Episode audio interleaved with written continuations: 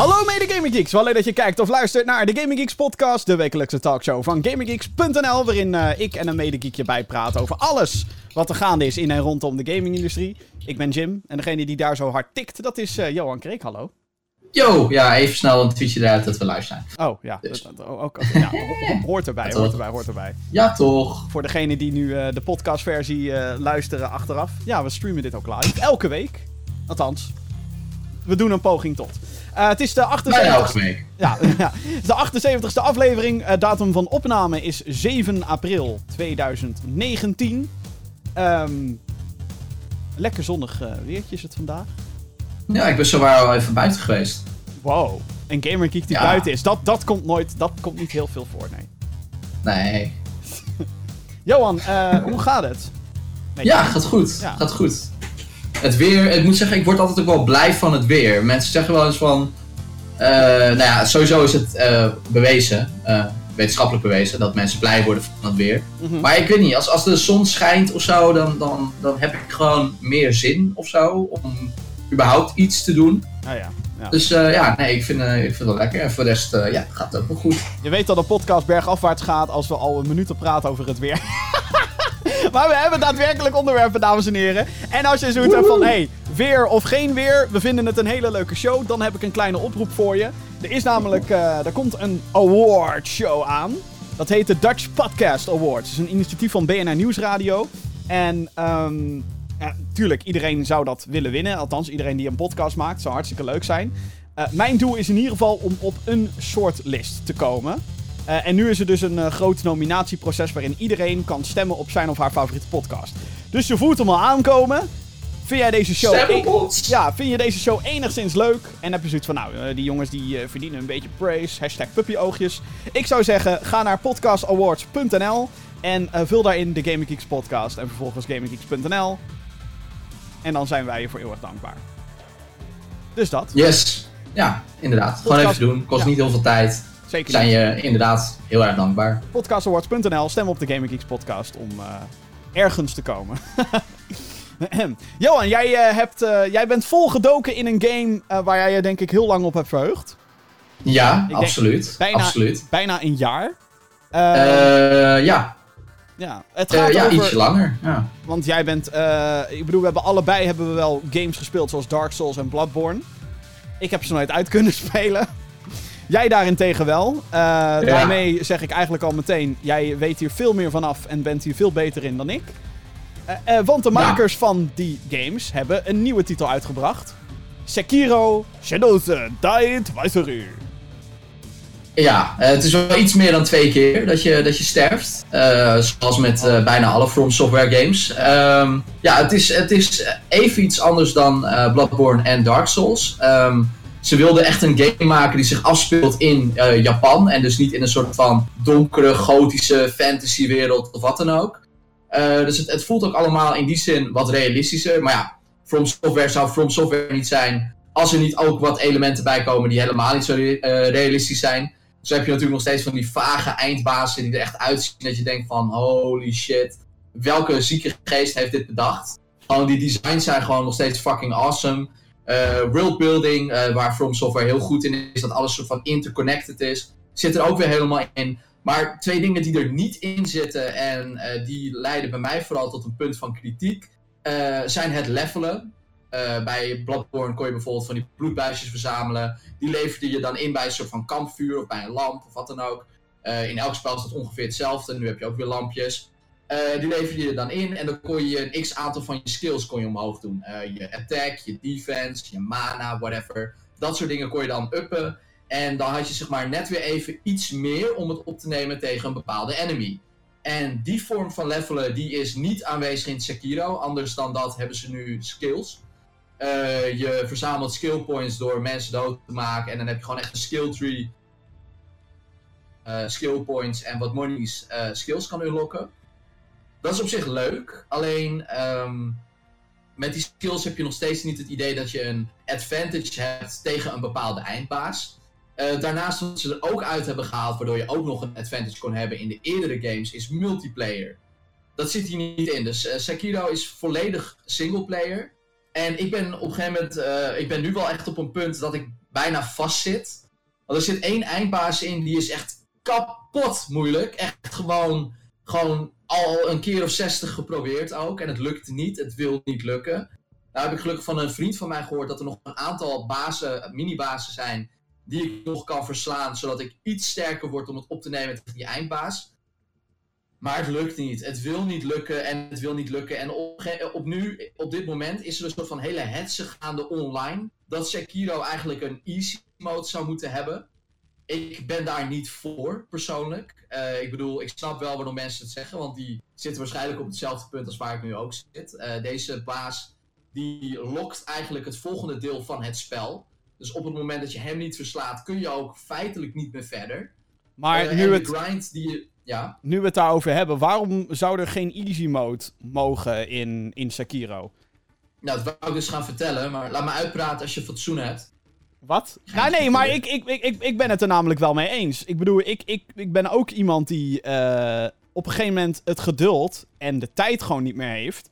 Om mm. continu die shit overnieuw te proberen. En um, gewoon wetende dat dat gewoon de barrière is voor heel veel mensen. Om gewoon dingen te zien ook. Want wat het toffe is aan onder andere Sekiro en ook mm Dark Souls en Bloodborne. Dat zijn gewoon die te gekke designs en de omgevingen en dat soort absoluut, dingen. Absoluut, absoluut. En het feit dat, dat dat voor heel veel mensen een barrière is waarvan... Ik bedoel, ik had ook uh, bij met name Dark Souls 3 had ik zoiets van... Ja, fuck it, ik heb er gewoon geen zin meer in, geen tijd meer voor. Ik kan zoveel tijd in andere games steken die nog wel een uitdaging bieden...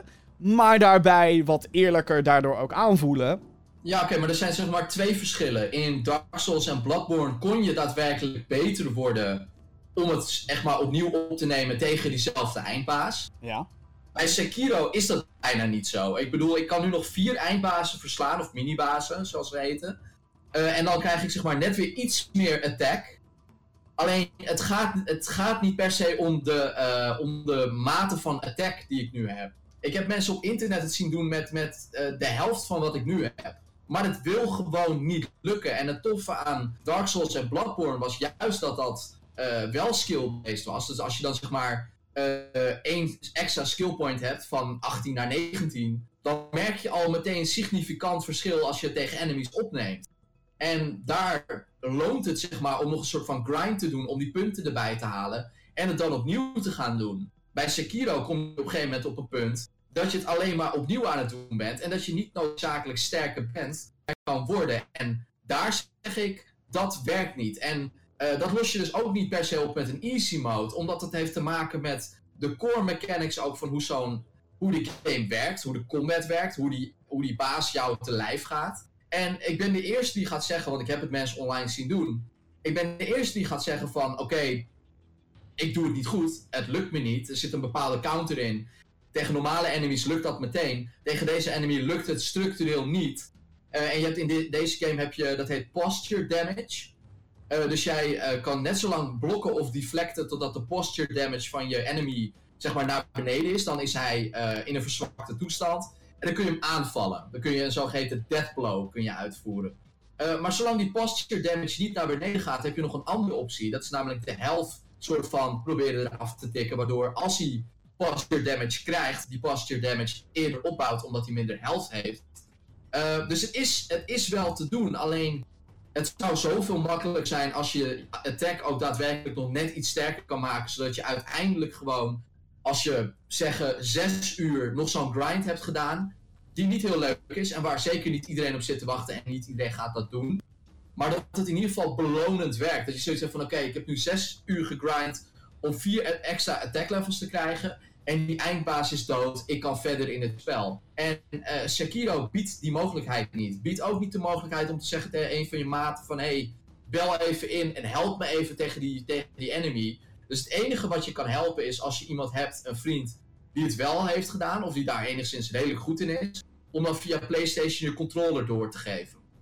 Maar die vriend die het ook heel leuk vindt, normaal gesproken, om dit te doen die zit op hetzelfde punt vast als ik. Dus we zitten gewoon beide vast. En dat is gewoon, is gewoon fucking frustrerend. Dat je nu eigenlijk niks meer kan doen. Hij in ieder geval niet. Hij heeft ze allemaal verslagen nu, die minibazen. Maar dat je dus niks meer kan doen om zeg maar sterker te worden tegen die ene enemy. Als ik en in easy mode lost dat niet op. Als ik het dus zo hoor, vind je eigenlijk deze game dus niet zo leuk als een Bloodborne of Dark Souls. Omdat het gewoon die middelen mist die het... Ja, exact. Ja, ja. En eh, mensen hebben ook al het argument gebruikt dat de game makkelijker is geworden door het eh, toevoegen van bepaalde mechanics zoals stealth. Mhm. Ehm, wat waar is. Eh, Met stealth kun je heel veel enemies kun je al opruimen zonder dat het leidt tot een gevecht. Ehm, en, en het feit dat je dus nu kan deflecten, hè, die posture damage, bla bla bla. Dat dat ook een advantage is. En deels is dat waar. Maar als je, als je daar niet heel goed in bent, of het gewoon echt niet wil lukken. En dan kan je ook zeggen, ja, dan is het spel gewoon niet voor jou. Eh, en dat kan waar zijn, maar ik ben al best wel ver gekomen, dus misschien lukt het nog. Ehm, maar ja, dan komt het spel gewoon op slot te zitten. Ja. En dan snap ik ook dat heel veel mensen zoiets hebben van, weet je, stik erin, ik haak af, flikker maar op. Ehm, en da- daarmee komen we op, de- op een hele interessante discussie, want deze game krijgt 9 centine overal. Ja. Eh, dus de pers heeft het gespeeld, vindt het geweldig, maar het publiek is nogal verdeeld. Is de pers dan heel goed in dit spel? Want er is geen easy mode, dus ze hebben het niet op easy gespeeld. Hebben ze het gewoon tot een bepaald punt gespeeld dat ze dachten van oké, nou is het wel goed, want niet iedereen speelt een game natuurlijk uit. Eh, en dat is iets wat ik zelf ga doen op het moment dat ik wil hem zelf gaan reviewen. Eh, maar zodra ik dat zelf heb gedaan, wil ik al die reviews induiken. Om te zien of ook bepaalde journalisten inderdaad gewoon melden van. Toen ik bij die Genjiro kwam, toen is het gewoon niet meer gelukt. Maar ik ga ervan uit dat het spel voor de rest een beetje hetzelfde is. En dat de core mechanics die ik nu heb uitgelegd, dat dat wel een soort van klopt. Daar ben ik heel benieuwd naar. Maar op dit Ja. moment ja, zit ik gewoon vast met Sekiro. Ik, ik, vind, ik vind dat ook vind ik heel altijd... jammer. Ik vind dat altijd wel een, een dingetje wat betreft die, die reviews inderdaad. Want hoe kan je... eh, eh, soms dan denk ik oprecht van... Ook al krijg je een game een week voor release... Hoe de fuck kan je al bepaalde dingen uitspelen? Dat is Ja. gewoon bijna niet te doen. Nee, maar sommige mensen hebben hem dus inderdaad in die week dat hij nu uit is, hebben hem ook uitgespeeld. En tegen die mensen zeg ik, goed gedaan, voeg me toe op Playstation, geef ik jou de controller. Ja. Kun je die Genjiro voor me verslaan, ben ik je eeuwig dankbaar. Kan ik ook weer verder Ja. met het spel. Ja. Leuk, lachen. Ja, nee, dus ja, ik ben op zich heel enthousiast. eh, want het is nog steeds een From Software game, puur zang. Het, het, het is moeilijk, het is uitdagend, het is tof. Ehm, maar ja, dat, dat maakt het wel dat ik zoiets heb van, het heeft wel een bittere bijsmaak. Het is eigenlijk voor, vooral, want ik was ook, zoals bij Dark Souls en bij Bloodborne, was ik heel erg benieuwd naar deze game. Mhm. En eh, op het moment dat... doen, Jim. Nee, maar op, op het moment dat ik las, deze game is moeilijker dan Dark Souls en Bloodborne.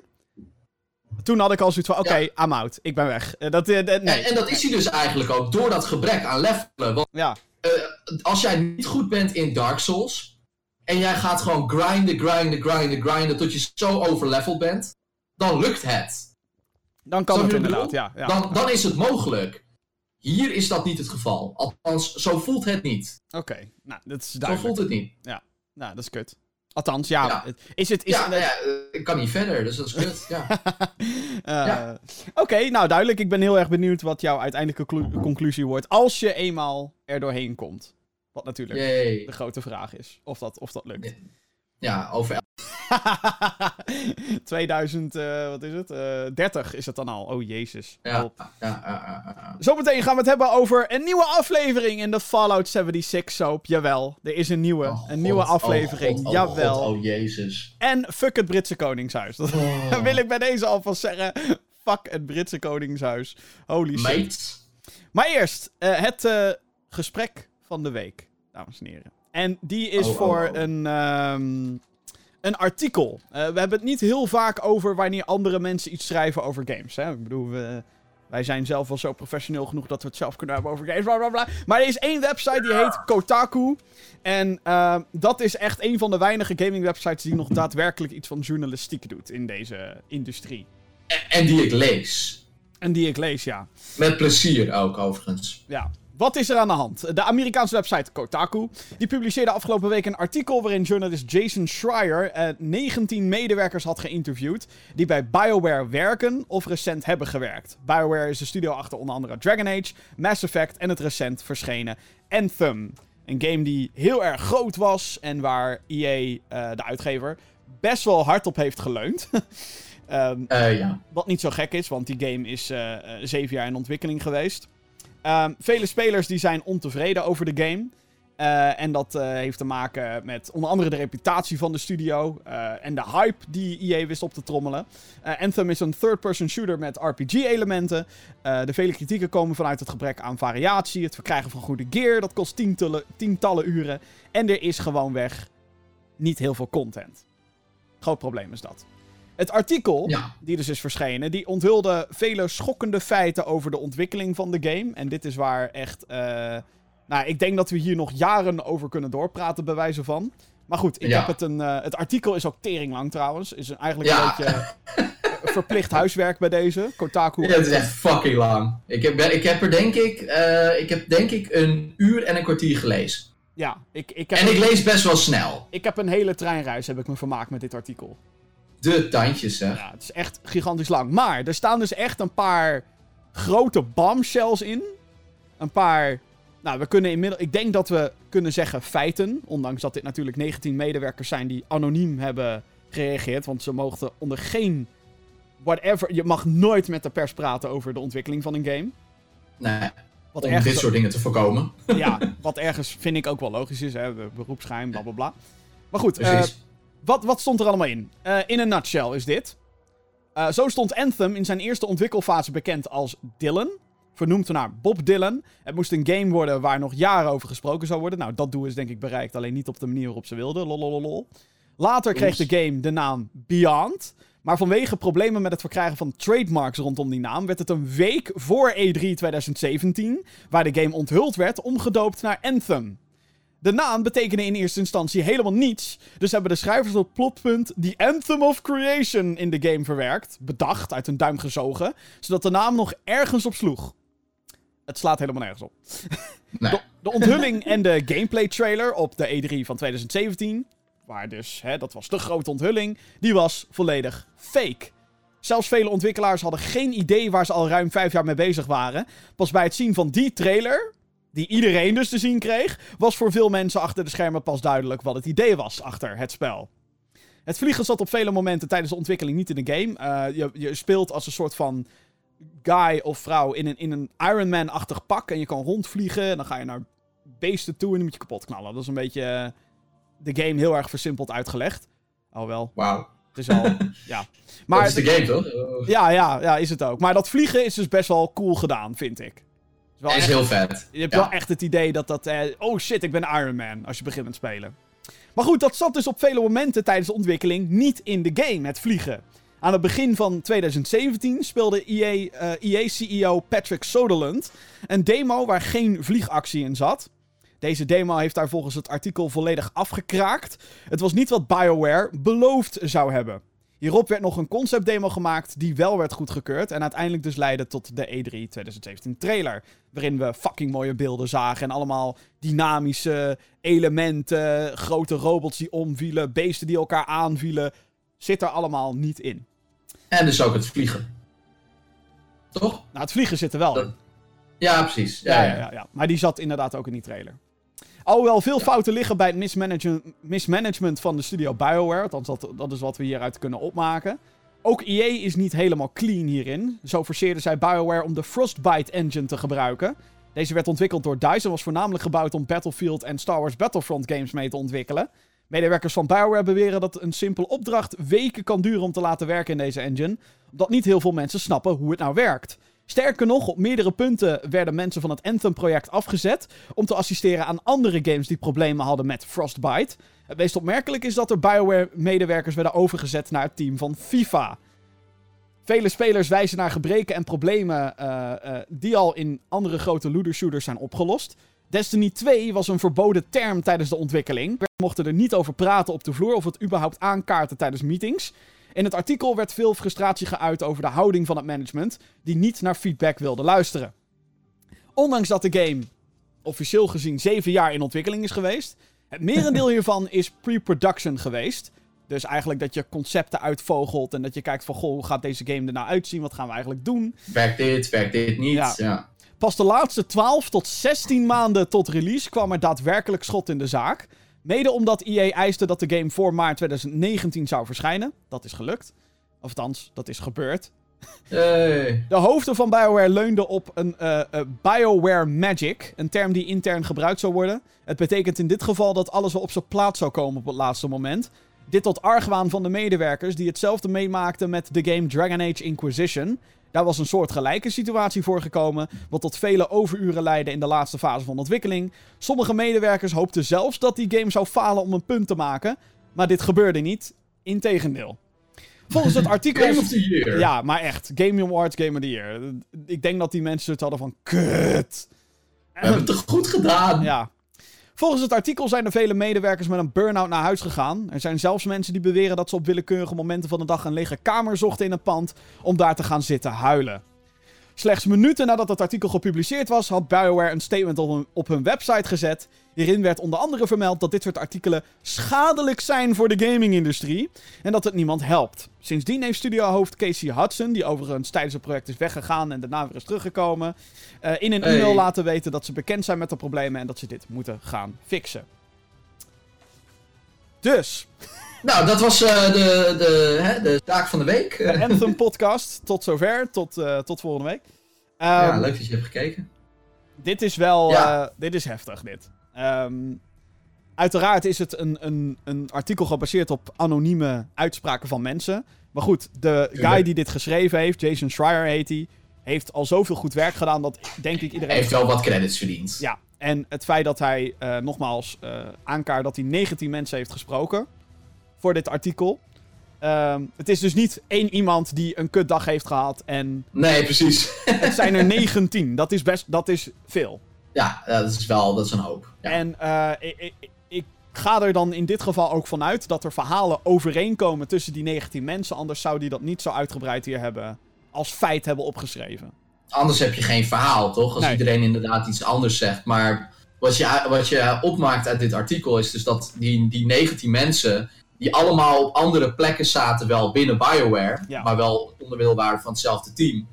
dat die de, de, ja, de onrust en, en het mismanagement wel op dezelfde manier hebben ervaren. Ja, en, wat, en, en ja, bizar. BioWare Magic. En dan hopen dat het allemaal maar goed is. Omdat Dragon Age Inquisition blijkbaar met heel veel geluk Game of the Year is geworden. Ja. What the fuck? ja, nee, ik vond die game ook leuk. het was echt... eh, ik heb er niks van gemerkt. Eh, dat was Nee. ook wel toen er minder van dit soort artikelen verschenen. Dat dan weer True. wel. Eh, er werd gewoon niet heel veel gesproken over eh, wat crunch genoemd wordt. Ehm, Mhm. en, maar wat ik zeg maar het, het, het opvallende vind van dit artikel, nogmaals, ga het lezen. Want ook ik heb hier gewoon een paar dingen nu uitgelaten waar we het ook gewoon minstens een half uur over kunnen hebben. Over Ja, we hoe, kunnen echt eh halve, halve middag over het artikel praten. Ja. Over hoe, eh, eh, hoe bijvoorbeeld Mass Effect Andromeda ook mede door Frostbite een drama was, bla bla bla bla bla. Maar goed, dat is eh, weer een ander. Nou ja, het is onderdeel van dit verhaal, want ook dat was BioWare. Yep. Ehm, En ook dat was een flop. ja, wat ik hier. Of geen goed project, in ieder geval. La- laat ik dit zeggen. Ik ben namelijk nu nog bezig met het spelen van Anthem. Ja, jij speelt het daadwerkelijk. Merk je, mer- in, in, die, in dat artikel wordt aangekaart dat, dat ze dus inderdaad een, een jaar, misschien een jaar en vier maanden daadwerkelijk de game hebben gebouwd. Ja. Wat op zich nog best wel knap is. Zou je dan willen stellen dat, zeg maar, met de wetenschap die je nu hebt, eh, dat het überhaupt knap is dat er, dat er nog iets uitgekomen is in die hele korte ontwikkelperiode? Ehm, Of, of is het nog steeds gewoon een hoopje shit en of het nou een jaar of zeven jaar in ontwikkeling is geweest, het is gewoon niet goed. kijk, Snap wat- je wat ik probeer te vragen? Ja, ik, ik snap het. Ja, nee, wat, wat, misschien is het belangrijk om te vertellen hoe ik Anthem inging. Want ik wist dat er al heel veel sceptische geluiden waren voordat deze game überhaupt uitkwam. Ja. Ehm, toen eind vorig jaar die demo uitkwam, wat volgens mij toen ook echt het enige in die game was wat klaar was. By the way, dat is ook uit dat artikel Mhm. gebleken. Ja. Hè, ik, ik, ik, ik- toen ik die demo speelde, had ik zoiets van: deze game wordt fucking awesome. Hè, Het schieten is vet, dat vliegen is fantastisch. Ehm, Ja. de, de, de game ziet er fucking mooi uit. Natuurlijk niet zo mooi als die ene 2017 trailer, maar daar denk ik ook van ja, no fucking shit. Ik ga ja. er, ik ga er inmiddels. slices, weet je, ik bedoel, dat gebeurt wel vaker. Ja, en, en het, het is eigenlijk. gewend. Het is eigenlijk heel triest. Maar we moet, je moet er inmiddels gewoon van uitgaan dat elke trailer vol met bullshit zit. Ja. Het is, het, ja, dat is heel triest en heel erg. Maar ga er maar vanuit. um, het is eigenlijk een beetje vergelijkbaar met filmtrailers die scènes hebben die helemaal niet in de film zitten. Of die CGI gebruiken om shit te faken. Avengers Infinity War, bijvoorbeeld. Um, dat. Um, mm -hmm. Ja, ik, ik wilde zeggen wat, maar... Uh, nou, laat ik het zo zeggen. Er zitten een paar shots met de Hulk in de Infinity War trailer. Die niet in de film zitten. Nee, nee. Wow, wow, hey. Ik wil niet weten. Ik wil het niet Infinity War, hè? Die film is al een jaar uit. Oh, sorry. Oh ja, je hebt gelijk. Sorry. Ja, nee, ik niet, was, uh, niet Endgame. Ik ben helemaal op mijn hoede voor Endgame spoilers. Nee, sorry. nee, nee. Infinity War heb ik het over. Om, om safe te zijn. Dus, dus, Ja. Maar ik ging er heel positief in. Ik dacht, die demo, hè? Was te gek. Dus de volle game wordt het helemaal. Mhm. Zo ben ik erin gegaan. En de eerste paar uur dat ik het speelde, zag ik overal al artikelen voorbij komen van deze game shit, slechtste game ooit, bla bla bla bla bla. Ja, Ehm, ik wil- dacht jij, dat was toch Fallout 76? Ja, ik, ik, ik, ik, ik ging er een beetje tunnelvisie in. Zo van, nee jongens, jullie lullen allemaal bullshit. Kom op, weet je, geef die game een kans, bla bla bla bla bla. Heb ik ook Ja. nog uitgebreid over in deze podcast gehad. Ja, ja, ja, je hebt eh, Anthem redelijk... eh, Verdedigd. eh, ridderlijk verdedigd, Ja. ja. Inmiddels ben ik tot het punt gekomen dat ik level 21 ben. Max Van level de 40, toch? 30. Ehm, Ja. Ik heb de storyline, of nou, wat je een storyline kan noemen, mhm, heb ik uitgespeeld. Eh, en eigenlijk ben ik nu alleen nog maar eh, aan het kijken hoe ik de derde Stronghold kan lokken. Dat zal waarschijnlijk niet heel lang duren. En dan, die wil ik dan nog spelen. En that's it. Strongholds zijn zeg maar de endgame missies. Ja. Ehm, waar je overigens niet helemaal tot endgame hoeft te komen. Want hoi hoi, ik ben level 21 en ik kan al twee Strongholds spelen. Ehm, wat, als ik dit artikel lees, dan denk ik, ja, dit is hoe die game inderdaad aanvoelt. Het voelt aan als een, als een game waar geen visie in zat. Waar geen, geen structureel iets in zit waarvan je denkt, goh, The Division heeft dit al opgelost. Destiny 2 heeft dit al opgelost. Zelfs andere hack-and-slash games, zoals Diablo, hebben dit al Mhm. lang opgelost, de problemen die hierin zitten. De, de, er zit geen echte progressie in. Al je wapens zijn fucking hetzelfde. Het is alleen maar... Er zitten stats in de game die nooit worden uitgelegd. Er zit bijvoorbeeld... Ja, plus 25% luck. What the fuck is luck? What the fuck is dat? Dat staat bij sommige wapens dat ik 25% extra luck krijg, maar ik heb geen idee wat het is. Het is gewoon dat- geluk, Jim. Dat soort systemen zitten volgens mij gewoon niet in de game. Het is niet ontwikkeld. Het is inderdaad het is hè, nog best knap dat ze dit inderdaad in een jaar voor elkaar hebben ge- geschopt. Alleen, het is compleet mismanagement inderdaad geweest. Dat je zes, zeven jaar lang dit project hebt, want dat is het wel. En dat je dan gewoon het voor elkaar krijgt om slechts een jaar daadwerkelijk aan de game te werken zoals hij nu is. Dus is het helemaal geen verrassing dat basissystemen er niet in zitten. Dat de game vol met laadschermen zit. Dat er. Dat je denkt: goh, dit voelt. eh, eh, alsof ik dit Ja. al 14 keer gedaan heb. Eh, dit is gek. Er is bijvoorbeeld bij bepaalde missies, als je teammates een stukje verder vliegen dan jij, dan gaat er een timertje lopen van: oh, je hebt nog 10 seconden om in de, de omgeving van de missie te komen. En dan red je dat niet binnen 10 seconden, dan krijg je een fucking laadscherm. Dan word je geteleporteerd naar je teammates. dat soort bullshit is allemaal omdat er maar een jaar aan deze game gewerkt is. Omdat Ja. het een, een, een compleet onderbakken product is. Die inderdaad gewoon niet heel veel heeft. Want de open world, er is geen tering in te doen. Het is eigenlijk heel klein. Je hebt maar één stadje met personages die gesprekken tegen je voeren. En je kan, hebt dan zogenaamd keuzes in die gesprekken die geen donder uitmaken. Het is, Is dat dan dat fort of zo? Dat Fort ja, of Tarsus. Het zijn, zijn, zijn er nog da- daadwerkelijk andere steden?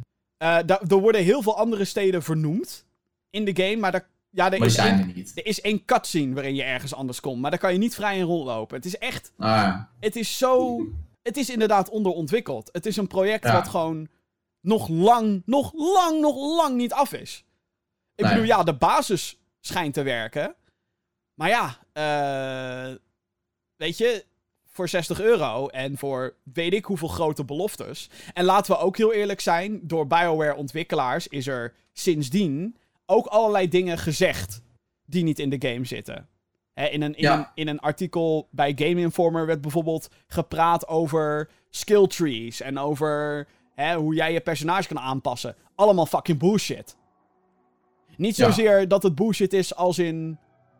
Ze waren het niet van plan. Want ik weet zeker dat ze heel veel Ze van plan waren. gered. Ze konden het gewoon niet meer redden. En, dan, Nee. en ik zag al wat tweets voorbij komen. En weet je, het is heel raar. Eerst ging ik Anthem verdedigen. Nu ga ik fucking EA verdedigen. Er zijn mensen die dus zeggen: Fuck EA, dat zij hebben gezegd dat die game voor maart 2019 moest uitkomen. Daarom is deze game kut. Blablabla. Het had gewoon nog zes maanden of, of een jaar nodig. Ja, maar Jim, het gaat natuurlijk allemaal om geld. Waarom mijn antwoord is: Inderdaad, no fucking shit, Sherlock. Ten tweede, Ja. die game is fucking zeven jaar in ontwikkeling geweest. Denk je echt dat EA heeft gezegd: nee joh, ga maar vijf jaar eerst pre-produceren. Kom er maar gewoon niet uit. Heb maar issues met Frostbite. En ga dan pas een jaar van tevoren, ga dan maar echt aan de game werken. Natuurlijk heeft EA dat niet gedacht. Nee. In de schoenen van iemand die marketing doet. Ik vind het fucking knap dat ze zo'n marketingcampagne eruit hebben gehaald. Want ze hadden helemaal niks om mee te werken. Nee. Nee, inderdaad. Helemaal niks. En ik bedoel, fuck. Nou, ik, wat, wat ik me dus afvraag nu, hè, want nu de game is uit, eh, men heeft eh, zijn of haar zegje gedaan, eh, product is niet af. Overigens, ik nog niet. Ik ga nog een volle review maken. Ik ben echt nu op het punt. En, en voor, voor heel veel mensen is dit artikel ook. Sorry dat ik je onderbreek. Voor heel Ja. veel mensen is dit artikel ook een beetje de, de spijkers op de kist. De nail in the Ja. coffin. Zo van, oké, ja, nee, that's it. En, en zo zit ik er eigenlijk ook bij. Ik zat al een beetje rond dat punt. Maar nu ik dit gelezen heb, heb ik zoiets van... Oké, al beve- al mijn- al mijn- Alles wordt- bevestigd, ja. alles wordt bevestigd. Ik ga nu die derde Stronghold uitspelen en dan is het fucking klaar. Dan ben ik er echt helemaal klaar mee. En dan ga ik mijn recensie opnemen. Spoilers, het wordt geen hele positieve.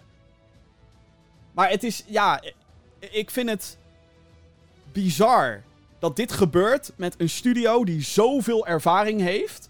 Ook de Mhm. negatieve zin, met het ontwikkelen Ja. van grote games.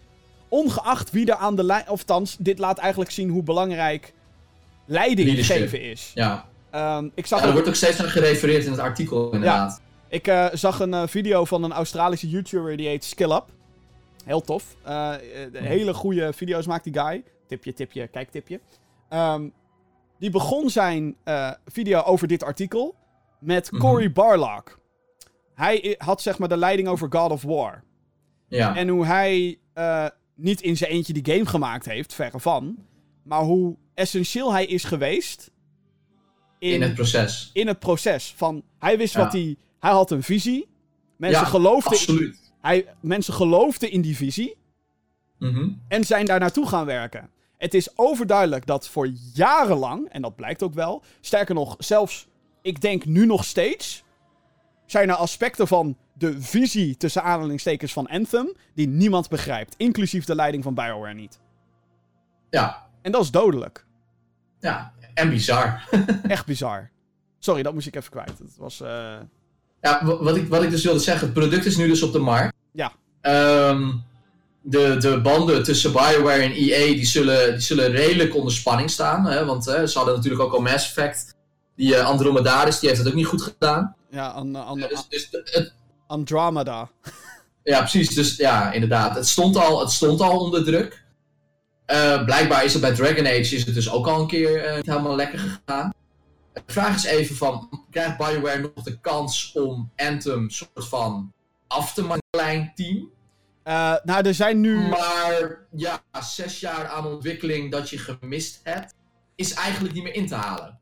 Eh, wat, wat, dus er, wat gebeurt er nu met Anthem? wat er nu aan de hand is, is... eh, er, zijn, er waren eerst drie studio's van BioWare die de naam BioWare Ja, dragen. klopt. Eentje daarvan is dicht. Die waren Mhm. voornamelijk verantwoordelijk voor Mass Effect Andromeda. Ehm, hè, dat, dat, dat is hem niet geworden, dat is duidelijk. Ehm, overigens zijn heel veel van die mensen gewoon ondergebracht bij andere EA-studio's. Dus op zich is dat... dan- Ja, of bij, bij de andere takken van BioWare, Ja. die twee overgebleven. Dan zijn er nu inderdaad nog twee over. En het team wat nu hoofdverantwoordelijk was voor Anthem. Overigens heeft ieder, bijna elke EA-studio er uiteindelijk aan gewerkt om nog iets van te maken. Dat moet er ook bij gezegd worden. Yup. Ehm, eh, dat hoofdteam, eh, dat hebben we nog. En dan hebben Ja. we nog een ander team, dat zat in Texas, geloof ik. Eh, en de- het hoofdteam zit in Edmonton. Ja, Austin inderdaad. Ja, klopt. Da- dat andere team is voornamelijk nu bezig met Star Wars The Old Republic. Die MMO. En die gaat nu een beetje de doorontwikkeling van Anthem overnemen. Oké. Terwijl dat hoofdteam gaat nu door naar Dragon Age 4. Die Ja, al ja, ge- precies. geteased is. Dus, dus Ja. zeg maar... Hè, ze, ze schuiven het nu een beetje af. Zo van hier, ga maar lekker naar dat team. Dat team wat overigens al weet ik hoeveel dingen... eh, ook volgens het artikel heeft beweerd van... Jongens, jullie moeten naar ons luisteren, want... Wij hebben die Old Republic gemaakt. En daar hebben we ook heel veel, hebben ook heel veel shit in meegemaakt. Dingen die niet werkten, dingen die wel werkten. Dingen waar we, die we uitgevogeld hebben. Luister naar ons, werd niet gedaan. Fuck. Eh, of de communicatie was gewoon heel slecht. Ehm, Ja. dus ja, dat is Maar, daar. eh, dus de, de game, er wordt nog gewerkt aan de game. Nou, Ja. Dat vind ik op zich chic. Hè, zodat er misschien nog eh, iets van. van, van ja, dat mensen zoiets hebben van. Nou, oké, ik heb tenminste nog iets van waar voor mijn geld gehad. Of ik heb een product gekocht dat aanvankelijk niet af was. Ik ken nu het hele verhaal. Maar ze hebben wel nog geprobeerd om iets van te maken. Maar ik denk ook van, oké, dus Bioware, Bioware is daar. Eh, al die verhalen over leadership zijn nu naar buiten gekomen. Daar moeten koppen gaan rollen. EA Eh. moet daar echt met de botte bijl doorheen. Daar moeten mensen weg. Zo, keihard. Ja, nee, maar dat is toch zo? Nou, ik weet, ik, weet Ik bedoel, ze- ik weet zeker dat de mensen die hier de leiding over hadden, dat die eh, bij het volgende project niet meer in zo'n positie komen. Althans, dat mag ik Nee, hopen. die- nee die- want anders krijg je nog een keer zo'n project. En ik hoop ook dat, hè, want dat is de andere kant van de medaille. Ik hoop ook dat EA nu snapt dat die Frostbite engine, dat die heel leuk is voor DICE. Ja, voor Battlefield Voor en voor. die- Ja. Voor mensen die dat ding hebben ontwikkeld. eh, voor mensen die precies weten hoe die engine in elkaar steekt. Eh, ik vond het destijds ook al heel bijzonder dat, dat FIFA overging naar Frostbite. Maar die Frostbite die is op een gegeven moment ook bedacht en doorontwikkeld. Zodat iedereen binnen EA daar gebruik van kan maken. Eigenlijk wat er nu een beetje gebeurt met die, eh, die Decima engine van Horizon. eh, Ja. Waar nu ook Kojima mee werkt. Het idee is dus dat meerdere studio's binnen Sony met die infrastructuur aan de slag kunnen. Dus ik snap het idee wel. Alleen als het op een gegeven moment niet werkt, ja, dan moet je eigenlijk gewoon zeggen van oké, fuck Frostbite. Zij hebben eh, eh, Dragon Age ontwikkeld in, eh, geen idee overigens. Laat ze Anthem dan ook ontwikkelen in die engine. ja, Inquisition werd volgens mij ook al in Frostbite ontwikkeld. Oh Wa- ja, dan, dan waardoor- zou die, die, die andere Dragon Age zijn nog. ja, wa- waar- Of die, of waardoor, die laatste Mass Effect. Ja, wa- waardoor ook problemen. Het zijn nu al drie projecten die problemen hebben gehad dankzij Frostbite. Of daar eigenlijk Ja. vier, als je FIFA meerekent. Het feit dat mensen van BioWare, die een beetje kennis hadden van die engine, over werden geplaatst naar FIFA van help, red FIFA. Want FIFA brengt Ja. nou eenmaal meer geld op, de. Weet je, d- dus Uh-huh. op zich vind ik dat ook wel logisch. Alleen het geeft inderdaad wel weer, what the fuck, kat met Frostbite. Koop een fucking Unreal licentie. Ik weet zeker dat Epic staat te popelen om daarmee aan de slag te gaan. Ja, maar dat, dat willen ze niet. Mhm. Dat is natuurlijk En da- en money issue. Ze en daar willen valt- niet die licentie eh, shit afdragen. En dan valt ook wat voor te zeggen, want Ubisoft doet exact hetzelfde. Bijna al hun Ja. games draaien op Snowdrop, die engine van de Division. Mario Ja. plus Rabbids Battle Kingdom Battle whatever draait op de Snowdrop engine. Ja, What the fuck? en dat, dat is allemaal omdat ze inderdaad eh, Epic niet verder willen spekken met licensing fees. ja, eigenlijk, En dan valt het voor te zeggen, maar dan moet het wel werken. ja, nou, eigenlijk bijna niemand. Want, eh, eh, hoe heet het? Tuurlijk is het in die zin goedkoper dat als je eenmaal je eigen technologie hebt die je inderdaad niet hoeft te licenseren. Dat geldt niet alleen voor Epic en Unreal, dat geldt ook voor Crytek en, en allerlei andere tuurlijk. engines. En ik weet zeker dat het een leuke deal is geweest tussen Sony en, eh, en de Horizon devs en Kojima om die engine te gebruiken. Absoluut. Maar ik denk dat als een random derde partij zegt: hey, wij maken een game voor alle platforms, wij willen je Decima engine, dat Sony dan ook zegt: dikke Nou. middelvinger. eh, of je moet eh, met heel veel geld gaan komen, vriend. Ja, die is van ons. Ja. Wat trouwens des te opvallender maakt dat Days Gone draait op Unreal, volgens mij. Draait hij op Unreal? Ja, volgens mij Oké. wel. Maar goed, ja. Nee. Eh, dan heb je ook nog Unity trouwens, dus je hebt meer van dat soort dingen. Ja, natuurlijk. Je hebt een x-aantal van die dingen waarbij Unreal denk ik het meest gebruikt zijn op dit moment. Ja, dus het is. eh, eh, ja, maar. Ja, Het is ik ben inderdaad de vraag, Hoe, kijk- hoe het verhaal zich verder gaat ontwikkelen. Ik denk dat Dragon Dus- Age wel echt de laat, de nieuwe Dragon Age, als die flopt, of niet zoveel opbrengt als dat het zou moeten, dan is BioWare gone. Dan is het klaar. Dan is het echt Ja. 100% klaar. Ik vind het trouwens al opvallend dat Star Wars The Old Republic nog in de ur is. Like, what the fuck? Bestaat die game Ja, nog? dat- wist ik ook niet. Wist ik ook niet. Maar ke- het zou me ook niet verbazen als ze binnenkort zeggen: jongens, Star Wars The Old Republic gaat dicht en we gaan ons. Die studio gaat zich voorlopig focussen op, op Anthem. eh, om daar nog iets van te maken. Ehm, Ja, ik, ho ik mag hopen dat we over een jaar. En ja, dat duurt nog even. maar ik mag hopen dat we over een jaar gewoon een soort van. eh, mega patch krijgen voor Anthem. Maar jongens, dit is Anthem Sorry. 2. Dit is 2.0. Net zoals wat eh, er met No Man's Sky gebeurd is. ja, Of met, ja, precies. met Rainbow Six. complete all over. Gewoon- Ja. Eh, het is eigenlijk gewoon een nieuwe game, jongens. Het is een nieuwe game. Je kan een campaign wellicht opnieuw starten. We hebben nu alles erin zitten wat we beweerden dat het zou hebben. Eh, en Oh we ja, gaan... Het draait inderdaad op Unreal. Grappig zeg. Eh, Days Gone, ja. Ja. Ehm, ik, ik, ik denk dat er dat gaat gebeuren. Ik ga daar eigenlijk vanuit. Ja, dat denk ik ook. En dan, dan brengen ze die game ook nog een keertje in de winkel uit. eh, om daar nog misschien wat aan te verdienen. Ja. Ja, want eh, ik bedoel, al die mensen die daar zes jaar lang soort lopen debatteren in die, in die writers room, die vergaderhallen. Ja, die hebben wel allemaal gewoon betaald gekregen. Ja. Bedoel, het project is peperduur. Ja, Moet wel, moet wel terugverdiend worden. op en, en dat is zeg maar waarom ik EA bij deze hè, verdedig. Van ja, zij moeten op een gegeven moment die geldkraan dichtdraaien. Van jongens, het is klaar nu. Ja, maar ze hebben al extra tijd gehad, hè? Want Anthem stond Ja. gepland voor eind 2018. En toen was er nog bijna niks af. Oh god. Nee, eh, dus toen hebben ze echt geluk gehad dat ze zeiden van oké, in ieder geval voor, voordat het boekjaar sluit. Ja. En dat, weet je, dat, dat kun je IE niet kwalijk nemen. Het is gewoon een aandelenbedrijf. Eh, en die aandeelhouders die zeggen gewoon van ja, wil mijn money zien. Ja, in dit geval, eh, nou ja, volgens mij heeft Anthem nog best wel goed verkocht. Daar niet van. Beste, Alleen, best, ja, verkochte, de- best verkochte game van februari. En dat is zeg maar. eh, dat bedoel aan, ik. aan de ene kant is het zorgwekkend. Aan de andere kant heb ik ook zoiets van. Ja, al die haters kunnen wel roepen. Oh, Anthem flop, bla bla bla. Het heeft beter verkocht dan Metro. Beter verkocht dan Far Cry New Dawn. Beter verkocht dan Kingdom Hearts in zijn tweede maand. Dus Ja, maar ja, BioWare. Ik bedoel, die naam die betekende in ieder geval op het moment dat Anthem releasede, betekende dat nog wat. Of dat ook bij de volgende release zo gaat zijn, Want eh, dat ook, dat, alleen maar afwachten. ook dat hele smoesje bij Mass Effect. Van ja, maar het is een B-team. Wat Mass Effect en Andromeda. Maakt geen flikker uit. Kijk naar Anthem. Het maakt geen donder uit. Of het Nee, het A-team is, het. B-team, het C-team. Doesn't give a fuck gewoon. Nee, Dus ja. eh, nee, nee we, we houden het in de gaten. Het Ben wordt nog vervolgd. Nogmaals, mijn review. Ik ben bijna klaar om voor die camera te gaan zitten en eh, mijn volle conclusie erover te...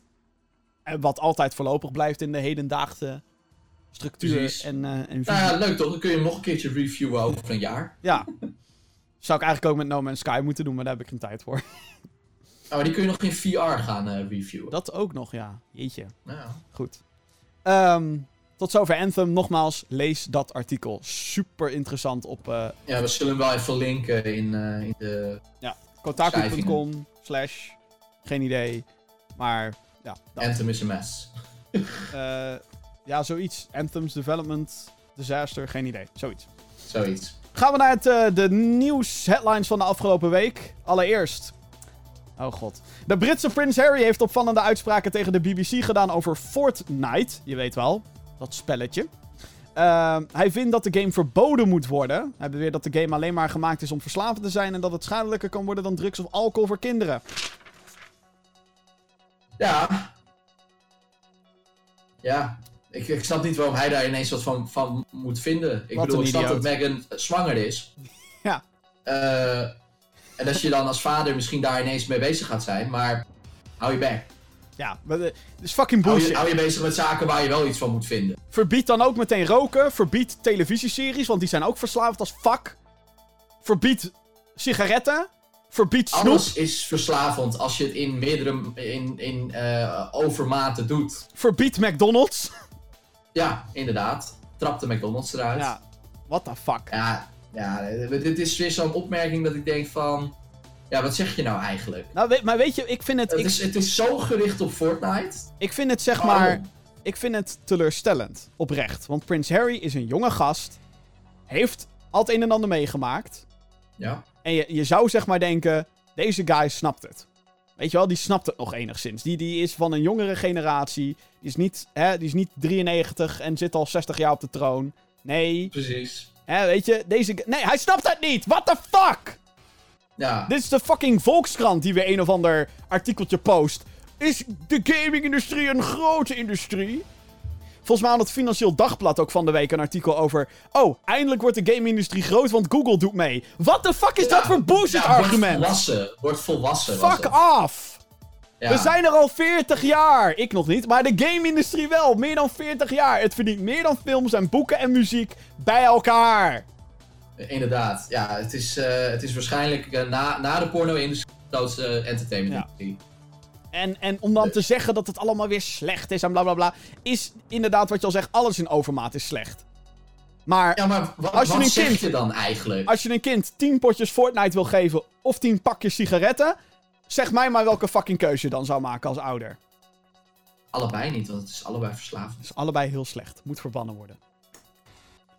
Nee, maar ik bedoel, als je als, als prins zeg maar aankondigt dat je een soort van mediacampagne gaat doen om aandacht eh, te vragen voor kinderen met een verslaving. En dat Fortnite in dat rijtje staat, dan denk ik nog, ja oké, dat kan. Maar als je gewoon alleen zegt, ja, maar Fortnite, dat is, eh, nee. Dat, eh, dat, dat moet verbannen worden. Dan denk ik, wat zeg je nou eigenlijk? Hou je bek. De, de, de, de, enige, de enige reden ehm, waarom hij dat zegt is omdat het de grootste is. That's it. Dat is de enige fucking reden. Ja, dat is het enige wat hij kent, blijkbaar. En dat ja. ja. Ja, dus dan hou je bek. Hou je gewoon je Hij is toch iemand die zeg maar Met dan alle- zegt. Met alle respect, hou gewoon Hoe je heet dat, hoe heet dat spel? eh, Force Nice of zo? Eh. Eh, Force Nice. Ja, fucking hell. Goed, eh, eh, over drama gesproken, dames en heren. Ja hoor. Tijd van onbezorgdheid is voorbij. Ja, niet dus. Helemaal niet.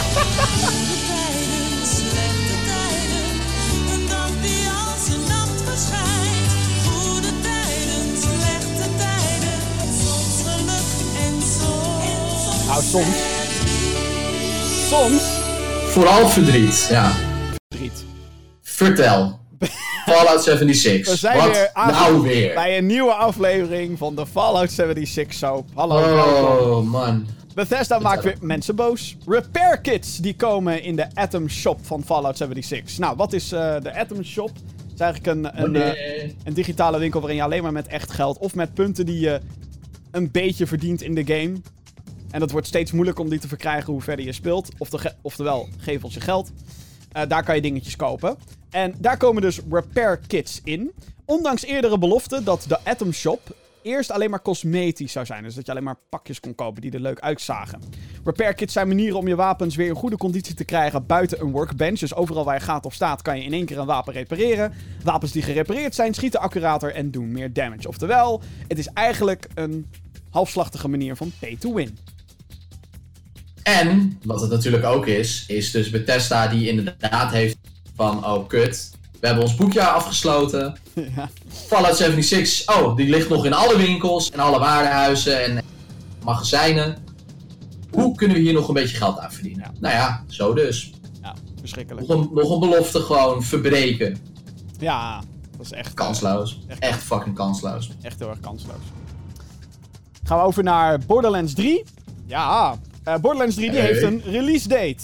Eh, we wisten eigenlijk al van tevoren dat dat eh, afgelopen week zou worden aangekondigd. De game komt uit op 13 september voor de Xbox One, PlayStation 4 en PC. Op die laatste zal het een half jaar exclusief te verkrijgen zijn op de Epic Games Store. Wat we Oh, what the fuck? De game krijgt een Season Pass en een Collector's Edition, waarvoor de Nederlandse editie geen game bij zit. Alsnog is deze editie uitverkocht. Wat de fuck is er mis met jullie?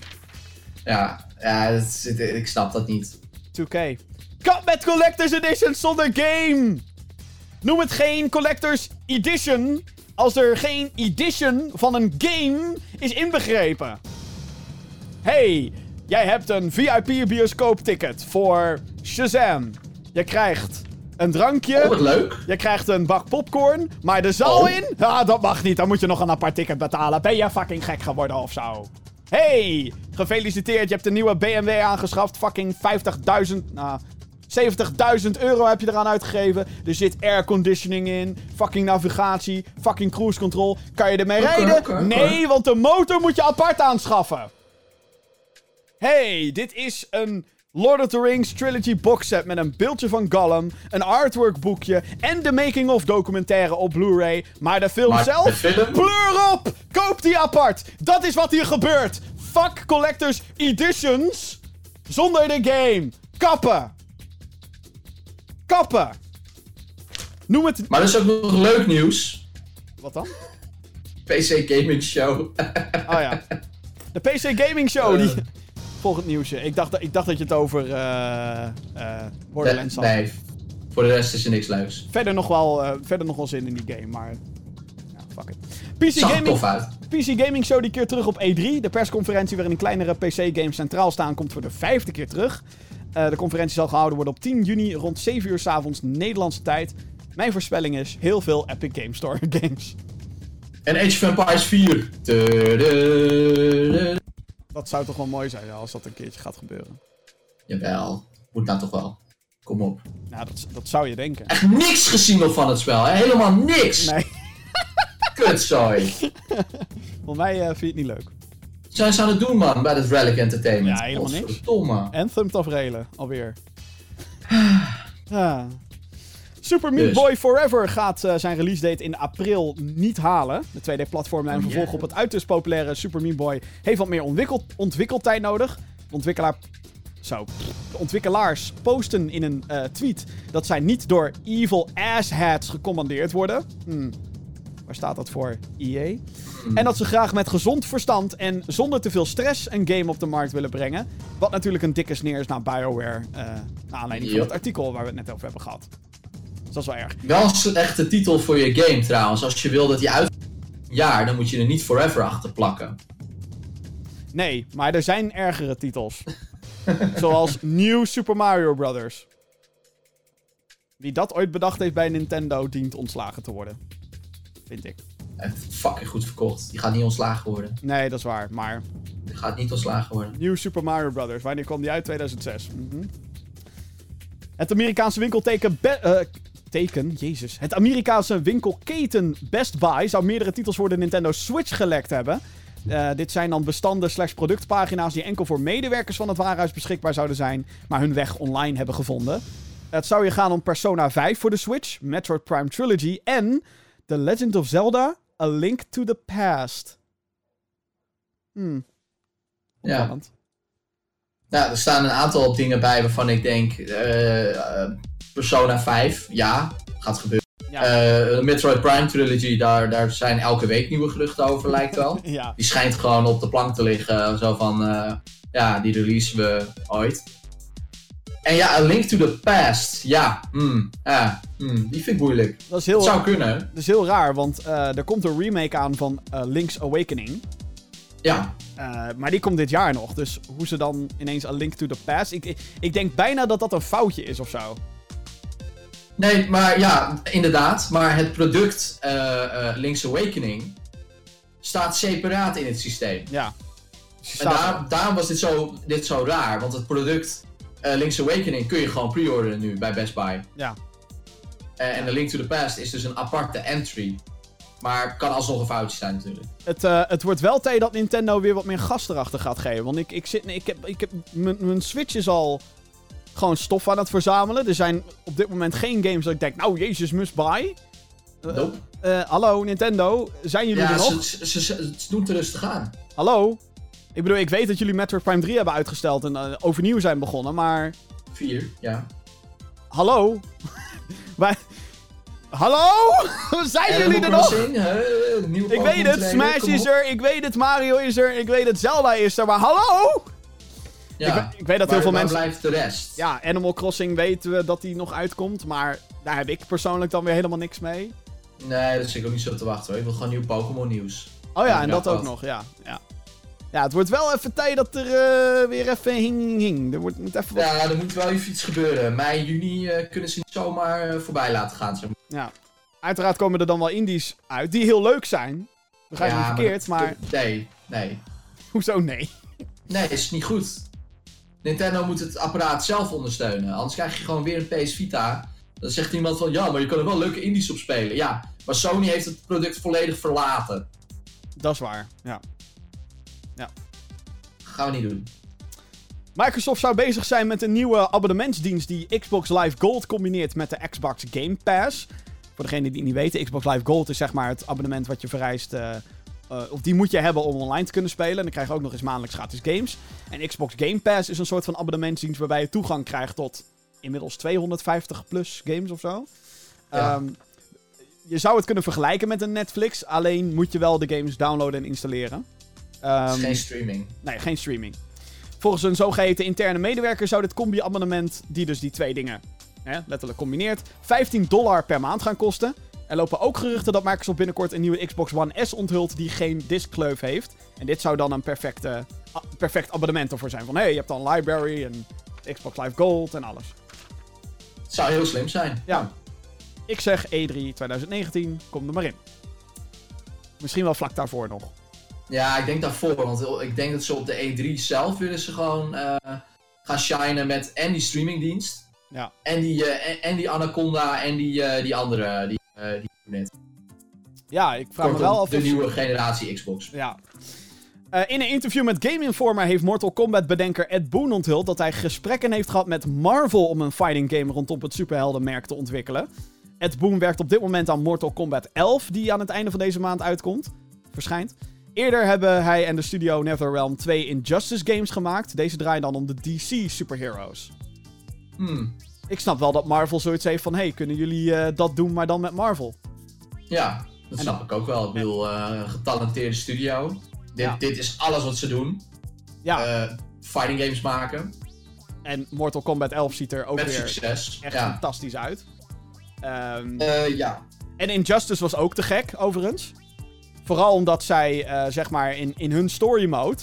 doen ze, zeg maar, dingen 3000 keer beter dan de DC Extended Movie Universe. Ja, dat zei je in je review inderdaad. Ja, fucking hell. eh, Kansloos. echt kansloos. Ehm oh wel, niet, niet van NetherRealm, die hebben het gewoon heel goed gedaan. Ehm, wat mijn droomgame in dit geval zou zijn... Marvel vs. DC. Juist! Jij snapt hoe fucking Ja. lauw zou dat zijn als de Mortal Kombat makers... Marvel versus DC zijn. Oh my god. Ja. Mind blown. ja, ik denk dat het, in dit geval gaat het gewoon sec om een Marvel game. En het Ja, ja. dat- omdat dat... Wat was het? Marvel vs. Capcom Infinite of zo? Die Ja. vorig jaar of dat jaar ervoor alweer uitkwam? ja, ja. Ja, die heeft het gewoon niet gedaan. Terwijl, hoe de fuck kun je dat verneuken? Het is Marvel vs. Capcom. Hoe de fuck dan? Een reeks die al zo lang bestaat en die eigenlijk alleen maar goede games op haar naam heeft staan. Ja, Ze- Het zijn allemaal stuk voor stuk goede games, maar Infinite niet. nee. Ja, 3 was ook al een beetje eh, verdeeld, maar... Ja, het is... Maar niet, niet zo slecht als Infinite. Overigens heb ik Ed Boon eh, ooit in het echt gesproken. Daar ben ik nog steeds heel trots op. Ja, hij staat ook gewoon op GamingGeeks.nl. Ja, eh, Echt gek. interview. Ja, nee, ik... ehm, maar hij heeft gesprekken gehad. Dus of het gaat gebeuren... Ik denk dat ze namelijk inmiddels bezig zijn met een Injustice 3 of zo. Dat ze daar al aan vastzitten. Lijkt me. Ja, ja, dat zou zomaar kunnen. Maar het geeft ook wel weer aan dat Marvel heel goed om zich heen aan het kijken is. Met welke toffe studio's kunnen wij een Ja. game laten maken. Want hè, Insomniac Spider-Man. Ja, dat ze gewoon eindelijk gewoon snappen dat ze, dat ze dus niet meer moeten zijn bij de wereld. ja. ja, klopt. Gewoon, gewoon een goede studio. En eh, weet je, kijk, kijk naar Insomniac natuurlijk. Mhm. Gewoon een goede studio en dan is je merk ook gewoon veilig. Ja. Ja, en eh, hoe heet het? Eh, Square Enix heeft dan het team wat Tomb Raider heeft gemaakt. De reboot die is bezig met een Avengers game. En een Mhm. team die bij Blizzard heeft gewerkt. Eh, kleiner team. Die werkt ook aan een Marvel project. Oké. Dus. Ja, we krijgen natuurlijk nog die, eh, die eh, Ultimate Alliance 3 ergens. Oh ja, ook jaar. nog ja, deze zomer. Ja. ja. Ja. Dus die, die game ziet er niet heel goed uit, moet ik eerlijk zeggen. Maar Nee, dat, eh, op de Switch, hè. hopelijk wordt het nog beter. Ja. Ja, blijft de Switch inderdaad. Een poster in de Division 2 kan het thema voor de volgende Assassin's Creed onthuld hebben. Oeh. Op de poster staat een viking met een Apple of Eden in zijn hand. Dat is een item eh, uit de universe. Een duidelijke hint naar de franchise. Volgens Kotaku, eh, die we net ook al benoemd hebben, die ook dat Anthem-artikel eruit hebben gedaan. eh, volgens Kotaku klopt dit en heeft de nieuwe game, die in 2020 moet uitkomen, de subnaam Kingdoms. Assassin's Creed Kingdoms. Ja, de vikingen hebben ze nog niet gehad. Nee. Japan ook niet. Hè? Nee! Hallo! Ubisoft, wake up! Ja, hoe lang, hoe lang wordt er al gesmeekt om, om feodaal Japan? Kom Ja. aan. Doe het. Ik, eh, ik, ik zou nog steeds pleiten voor een Eerste Wereldoorlog eh, Assassin's Creed. Vind ik ook leuk. Vind ik ook leuk. Natuurlijk maar niet. Naar Japan. Natuurlijk niet in de trenches, dat, dat is niet leuk, maar dat zou wel politiek gezien en zeg maar qua tijdperk zou dat fucking interessant zijn. Ja. Maar goed, dat eh, zit er voorlopig ook nog niet aan te komen. Japan. Japan. Sekiro, Japan. Assassins Die Twice. Ja, Sekiro, Nioh 2. eh, Maar Oh, die allemaal krijgen, die 2019 krijgen we ook nog, ja. Nio 2. Daar moet jij Ja. je toch wel als een motherfucker op verheugen ook. Ja, ik ben nu Sekiro aan het doen. Ja. Ja? ik kan me, niet, kan me nu niet op Nio focussen. Oh, god. Ga het zo meteen ook gewoon weer proberen trouwens. En The Search is een eh, PlayStation Plus. Woo! Ja, die, die heb ik dan al gespeeld. Ja, Dus, dat eh, weet ik, ja. Maar eh, wel, wel een leuk spel overigens. Alleen wat, wat dat spel dan weer vervelend maakt is... Dat is eigenlijk Dark Souls. Ja. Alleen als je je souls, de zaakjes, kwijt bent... Dan gaat er een timer lopen. En als je die voor die tijd ophaalt... Dan ben je alles alsnog kwijt. Oh. Dus als jij helemaal gewoon achterin een level gewoon doodgaat...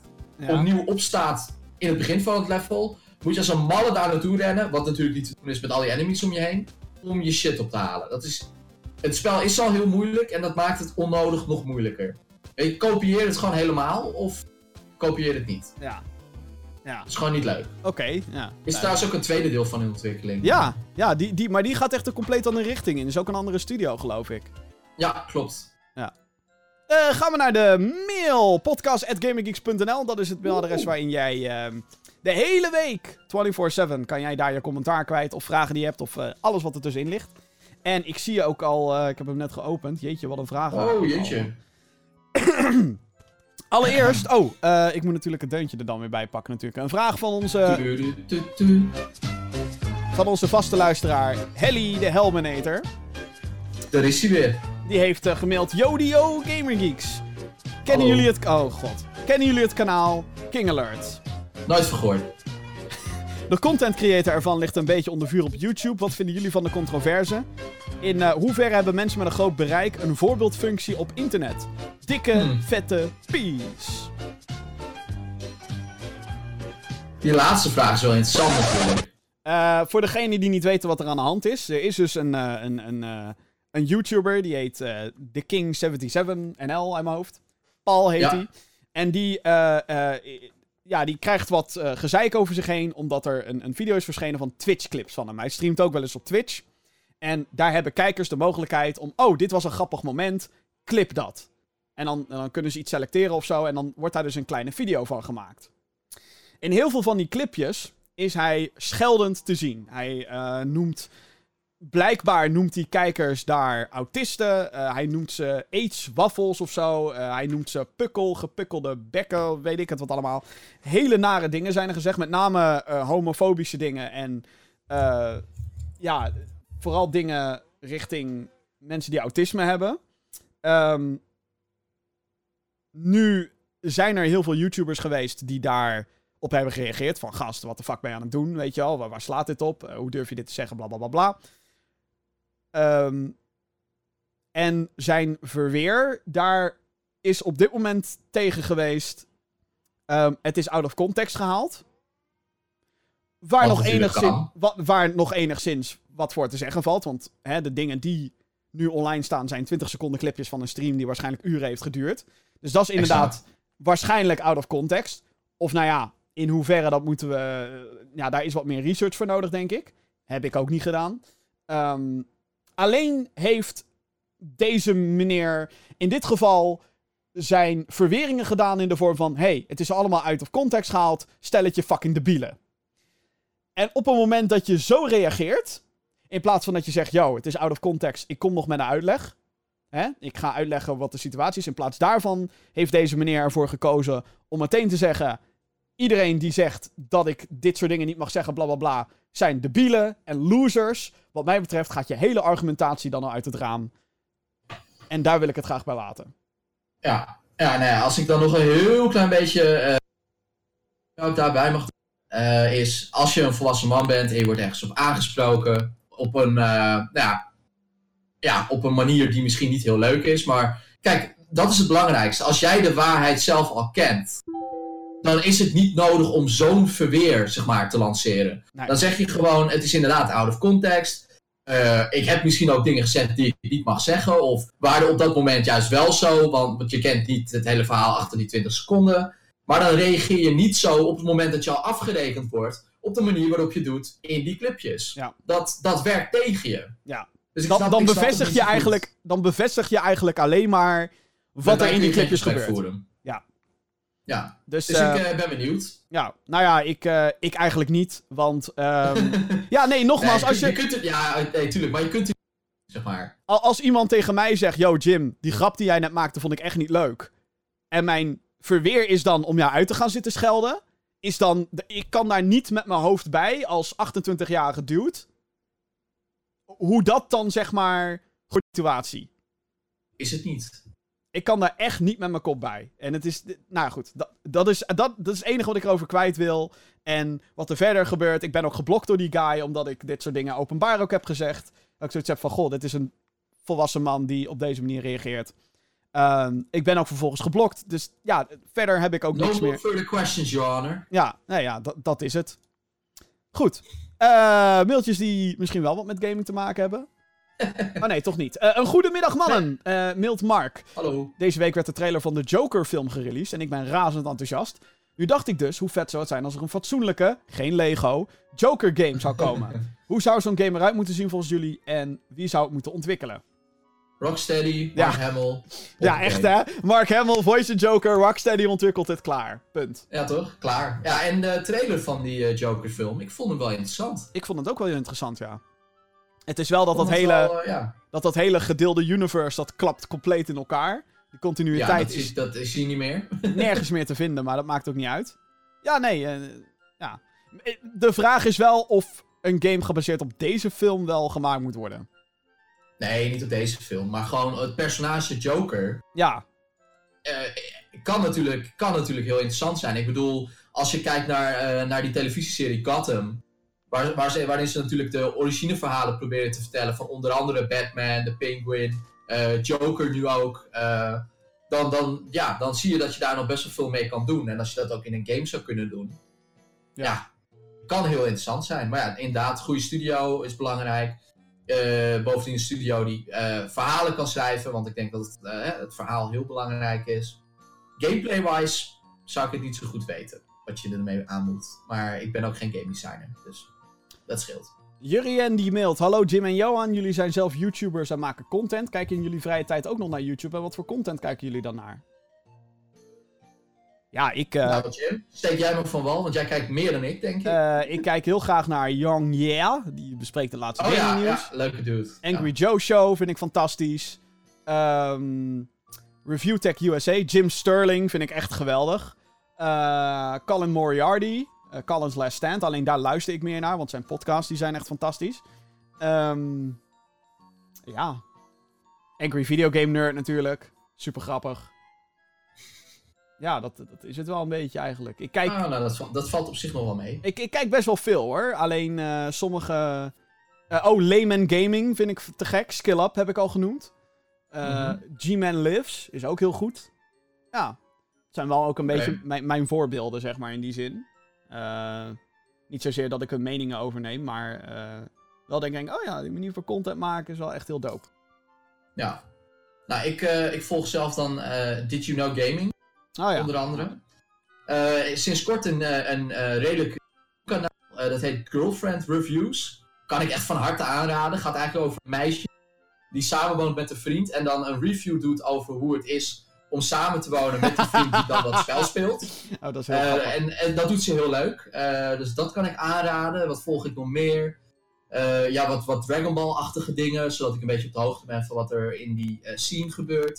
Een aantal Poké-tubers die ik volg. Birdkeeper Toby, Britse gast, vind ik echt leuk.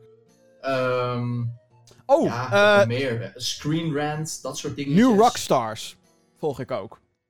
Dat zijn eh, eh, een groepje mensen. gewoon heel snel. Dat zijn een groepje mensen die echt eh, geeky dingen, met name films en series, compleet tot op het bot analyseren. Dus als er een nieuwe trailer komt van Avengers, gaan zij daar alle theorieën op loslaten. En dan heb- zien zij dingen in frames van, oh, dit kan dit betekenen, of dat, of zus of zo. En dat doen ze heel goed met Game of Thrones. Zeker nu dat laatste seizoen eraan zit te komen, is, zijn hun analyses achteraf een beetje een extensie van de Game of Thrones experience.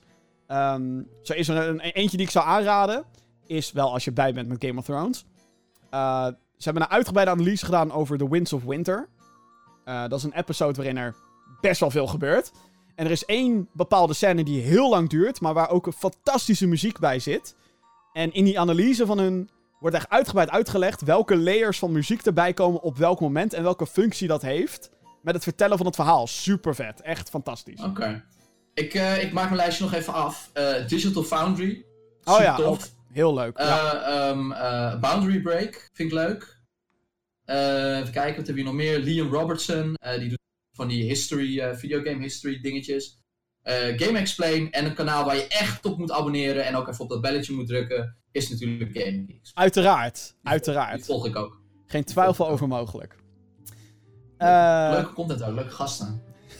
Hey Jim en Johan, ik heb een vraag over Resident Evil. Ik wil een game uit de Resident Evil franchise gaan spelen, maar ik weet niet wel- met welke ik moet beginnen. Wat vinden jullie, vinden jullie de beste Resident Evil game en welke RES Evil game hm, eh, is een goede instapper? Groeten van Ruben. 4 is een hele goede. Eh, 2, vier- de remake. Ja, of twee. Gewoon met twee beginnen nu. Ja, de nieuwe. Ja. Ja.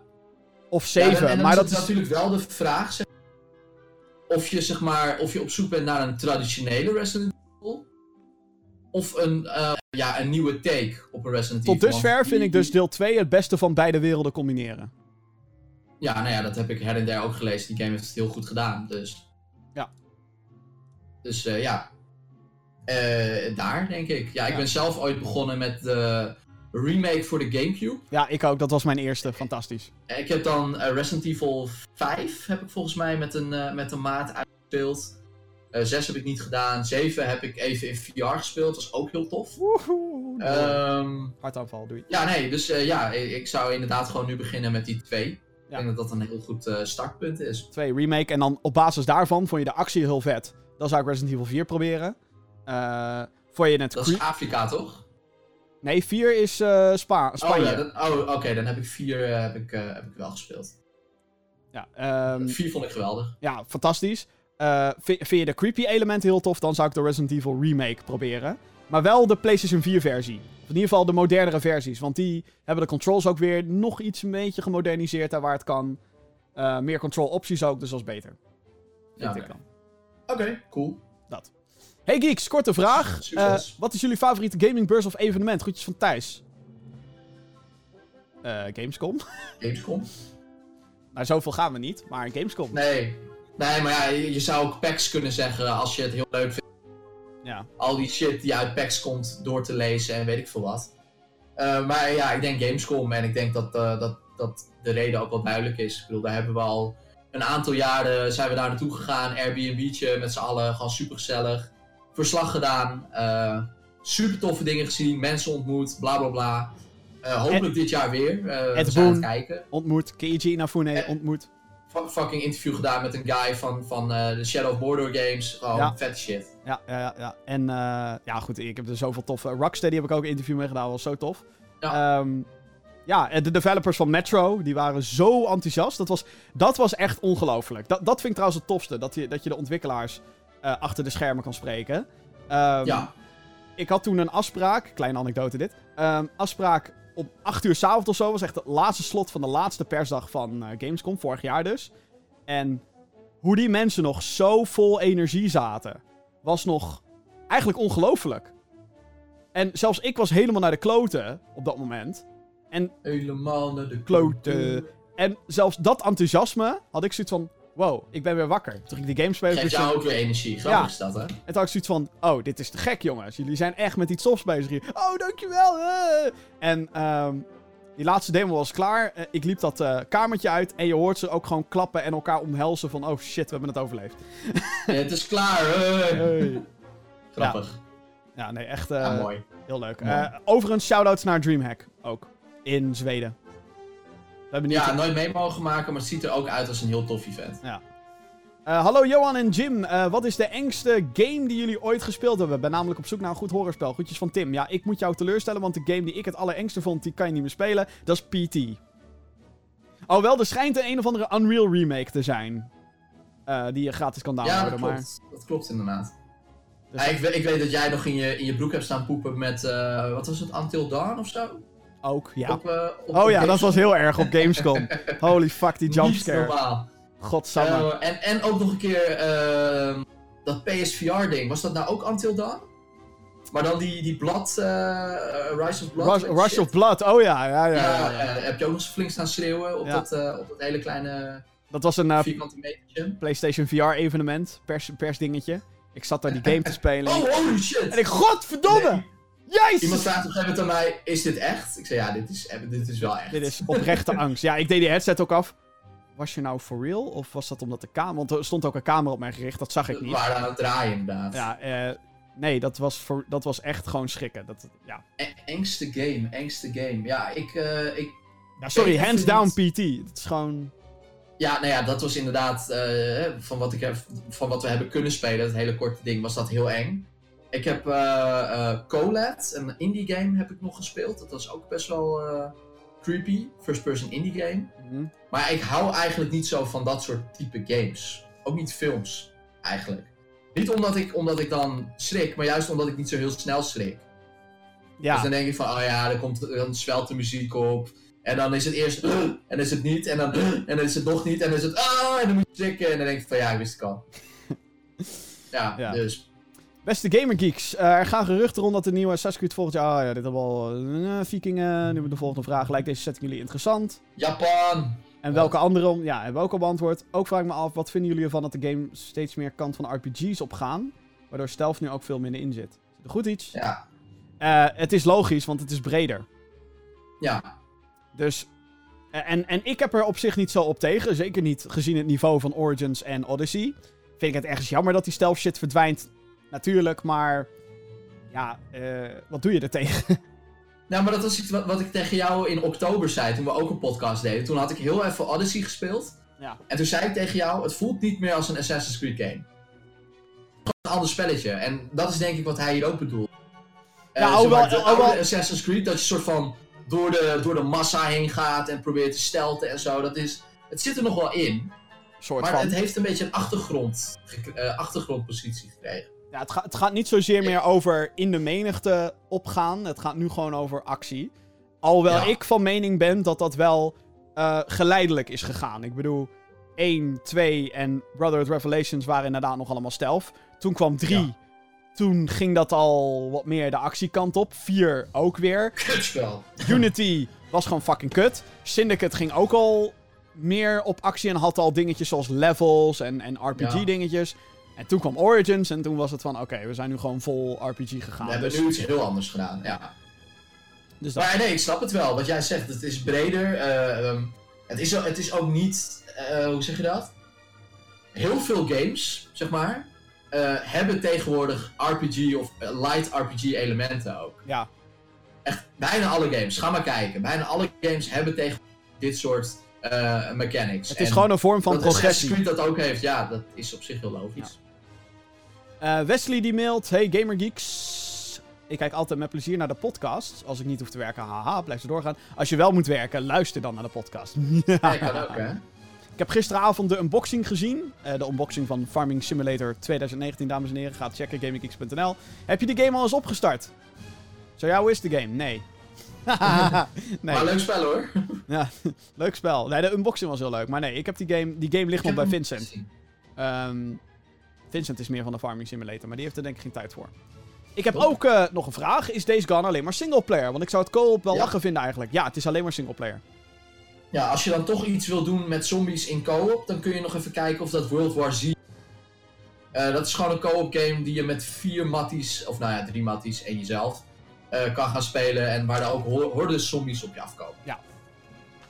En ik vind het lekker, deze gewoon gewoon singleplayer is. Ja, Diezelfde gewoon... ontwikkelaar van World War Z, die zei ook van, "Eh, willen jullie eh, multiplayer voor Days Gone? En toen zei Sony, nee, wij maken een singleplayer game. Dankjewel. Gewoon puur en alleen singleplayer, focus je daarop, klaar. Doei. Het is trouwens ook een open world game, hè. Dus eh, er zijn weinig open world games die echt goed werken met co-op. Ja. Ghost Recon is er dan misschien eentje van. En GTA, vraagteken. Ja, kun je co-op in Ja. principe. Dus, Deze eh, is veel vragen, man. ja, Leuk hoor, overigens. Ja, nee, heel leuk. Hoi geeks, ik heb een vraag voor de podcast. Wat vinden jullie de raarste slash apartste game die jullie ooit hebben gespeeld? De mijne is Goat Simulator. Groetjes van Tim. Ja. Eh, die van mij is denk ik Frog Factions. Dat is een game die zeg maar alles combineert.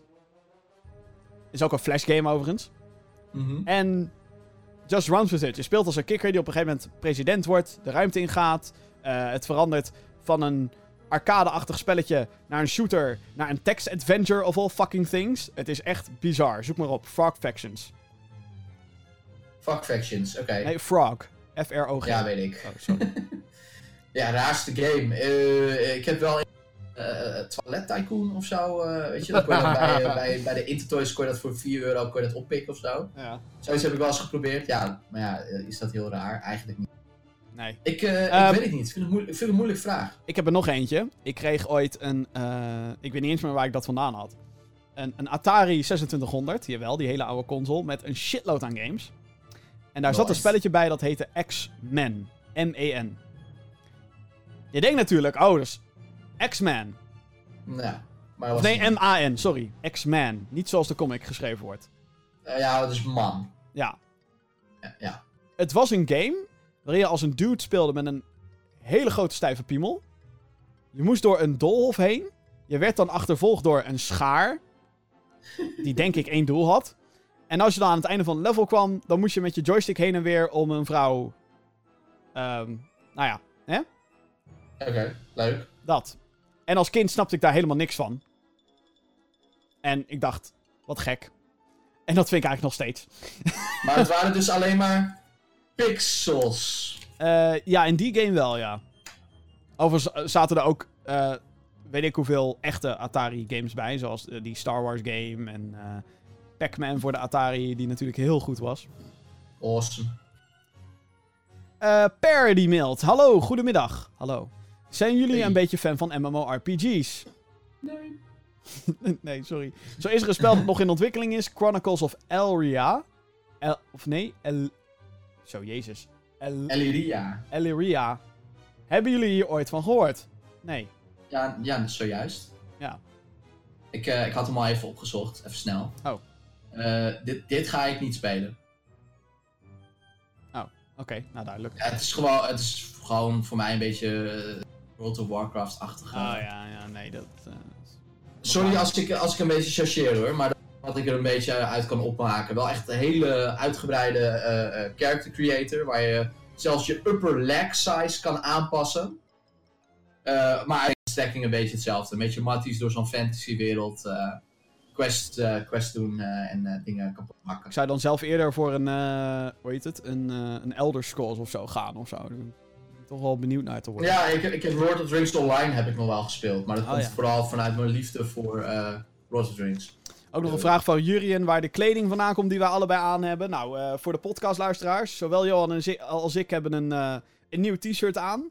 Met daarop eh, Gamer Geeks. Yeah, officieel, officiële merch. Die is eigenlijk de makkelijkste manier om die te vinden, of de linkjes daar naartoe, is om naar een willekeurige YouTube-video van ons te gaan.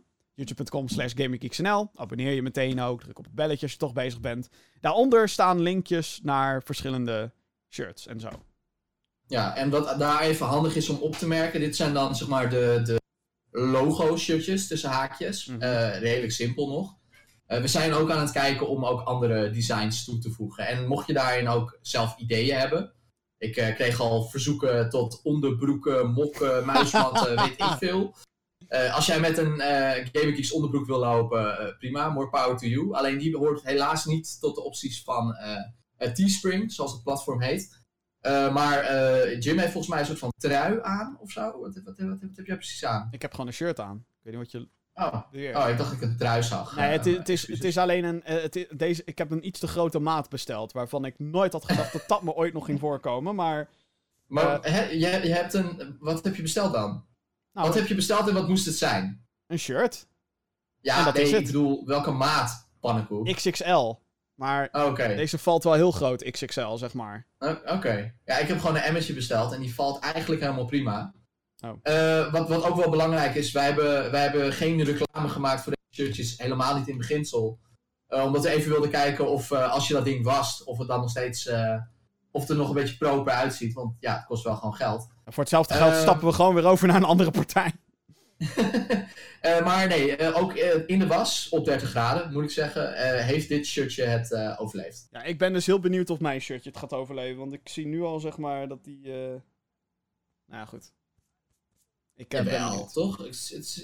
Ook met wit is hij, is hij er mooi uitgekomen, vind ik. Oh, oké. Ja, nee, ik vind hem, ik vind hem, ik vind hem, zeg maar, logo en zo staat mooi. Alleen, ja. Ja, alleen de maat is dan even jammer. Ja, Kijk dus even goed welke maat je moet hebben. ja, XXL is zeg maar, als je normaal XXL neemt, dan moet je misschien een beetje kijken of je gewoon XL eh, moet hebben. Want, Ja.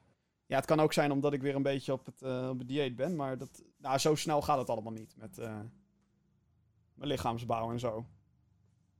Dus, Maar anyway, ja, t-shirtjes dus onder, onderaan onze video's staan die. ja, zeker. En die Ehm, kun je dus in allerlei kleuren, soorten, maten, whatever, kun je die eh, bekijken. gaan we nog even heel snel langs de releases. Ehm, vorige week, in de vorige podcast, Ja, heb, ik voor, heb ik voor wat voor reden dan ook 9 april meegenomen. Alsof dat in diezelfde week al zou voorkomen. Ehm, is, was niet zo. Hallo? Toch niet, hè? Nee. Eh, goed, dus, dus die zal ik eh, heel snel herhalen. Eh, wat komt er allemaal uit? Dinsdag 9 april. Phoenix Wright Ace Attorney Trilogy. Dit zijn overigens de hoogtepunten van alle releases. Er komt nog veel meer uit, maar... Dit zijn de dingen waarvan ik denk, oh ja, is misschien interessant om te weten. Ja, daar heb Ehm, je een ander overzicht voor, toch? Ja, exact. 9 april, dinsdag is dat. Phoenix Wright Ace Attorney Trilogy voor PC, Nintendo Switch, PlayStation 4 en Xbox One. Trilogie van puzzelgames waarbij je als een onderzoekende advocaat speelt. Games kwamen van origine uit in Japan voor de Game Boy Advance. Wij krijgen de titels op Nintendo DS. Het zijn hele leuke games. Eh H- ge-HD dus. Dangerous Driving komt, op dezelfde, komt op dezelfde dag uit op PC Epic Game Store, PlayStation 4 en Xbox One. Arcade racing game die gemaakt is door de mensen die ooit Burnout ontwikkeld hebben. Supersnelle game waarbij je tegenstanders moet laten crashen door tegenaan te rammen. Eigenlijk gewoon de Burnout 6 waar we al jaren op wachten. Holy shit, wat heb ik zin in dit spel. Het ziet er echt precies hetzelfde uit. Echt fantastisch. Oh, man. op dezelfde dag Falcon 8 op PlayStation 4 met PlayStation VR ondersteuning. Singleplayer first-person game waarbij je een band opbouwt met een valk. Deze wordt ouder hoe verder je komt in het spel. Dan gaan we naar 10 april. Daar, dan komt uit Vaporum voor de PlayStation 4, Xbox One en Nintendo Switch. De console releases. Ouderwetse dungeon crawler RPG met een steampunk thema. Dan op 11 april eh, komt uit Earth Defense Force Iron Rain voor de PlayStation 4. Een cheesy third-person shooter, eh, shooter waarin je gigantische mieren en Godzilla-achtige beesten kapot moet knallen. Op diezelfde dag komt Weedcraft Inc. uit op PC Steam. Eh, een tycoon game van Devolver Digital waarin je een wietteler bent en zoveel mogelijk moet verkopen. Het is op den duur ook mogelijk om invloed uit te oefenen over de Amerikaanse wetten wat betreft de legalisering van wiet. Wat tof.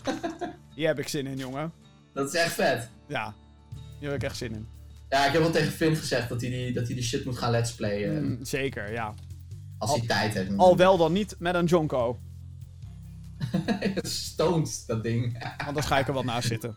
Stoned streamen, ja, lachen. Om eh, op een eh, hoogte, high hoogtepunt te komen.